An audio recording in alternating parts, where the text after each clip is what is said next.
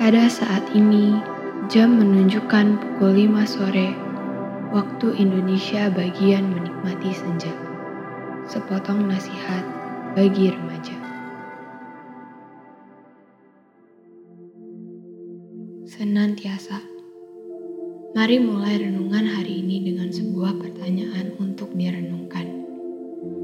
Kita mempunyai Tuhan yang sangat kuat, pencipta segalanya.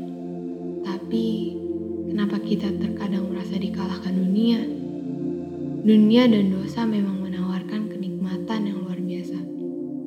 Siapa sih yang gak mau dihormati? Orang mana yang gak pengen kaya? Dan manusia mana yang tidak ingin memiliki pasangan idaman yang baik dan rupawan. Dan mari kita akui, kita tidak selalu menang dalam menghadapi godaan-godaan dunia. Apakah Tuhan tidak menyertai kita? Kalau iya, kenapa kita bisa kalah? Yuk kita belajar dari kisah Yesus yang dicobai di padang gurun. Menurutku, ini adalah salah satu living example yang paling luar biasa yang Tuhan berikan untuk kita. Sama seperti kita, Yesus pun bisa merasa lapar, haus, panas maupun dingin. Iklim padang gurun sangatlah menyiksa. Panasnya surya yang menyengat di siang hari, ditambah dinginnya malam yang menusuk sampai ke tulang, tentu bukanlah situasi yang nyaman. Tidak hanya itu, Selama 40 hari 40 malam ia di sana, ia tidak makan sesuap pun. Sebagai manusia, aku yakin ia pasti sudah hampir mencapai batasnya. Iblis pun tahu bahwa saat-saat lemah seperti ini merupakan kesempatan yang paling baik untuk mencobai kita. Iblis datang tidak pernah dengan sesuatu yang menakutkan. Seperti yang dialami Yesus, kita pasti ditawarkan kenikmatan semu. Seperti kebutuhan, tata duniawi, bahkan pembuktian diri yang terlihat enak di awal, tapi akhirnya menghanyutkan kita pada dosa. Sebagai manusia, kita pasti tertarik untuk memenuhi keinginan kita dengan mudah dan cepat, bukan? Kita pasti berpikir, jika bisa mendapatkan suatu jabatan dengan curang, kenapa harus jujur? Jika kita punya Allah Bapa yang baik dan hebat, mengapa kita harus berhati-hati dalam segala perbuatan kita? Dari Kristus, kita belajar untuk melawan cobaan dengan firman. Setiap kali ia dicobai, ia pun memperkatakan firman Tuhan dan menggunakannya sebagai senjata melawan iblis kita pun bisa meladani sikap Yesus ini dalam menghadapi cobaan.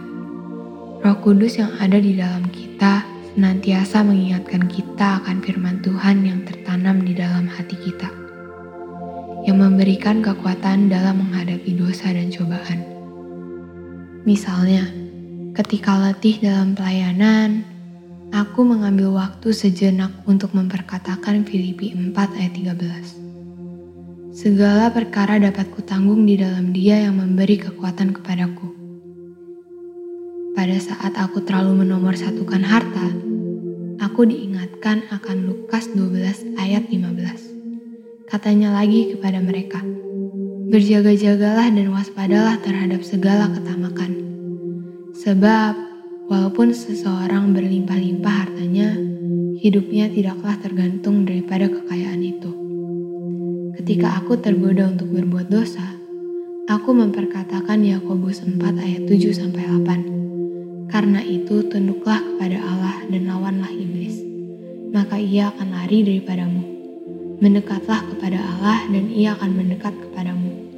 Tahirkanlah tanganmu, hai kamu orang-orang berdosa, dan sucikanlah hatimu, hai kamu yang berdua hati.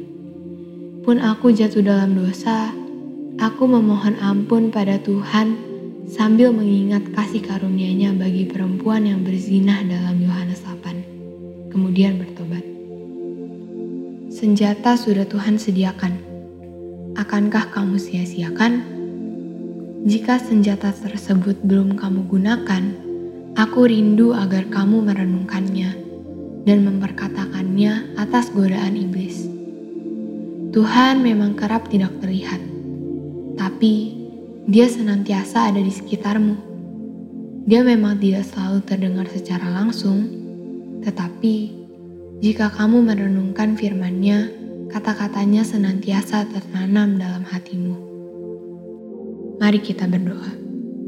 Tuhan, terima kasih atas penyertaan-Mu dalam hidup kami.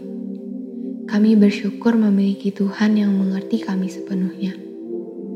Berikanlah kami hikmat dan pengetahuan akan firman-Mu, agar kami dapat berbuah dan memuliakan namamu. Dalam nama Tuhan Yesus kami telah berdoa. Amin.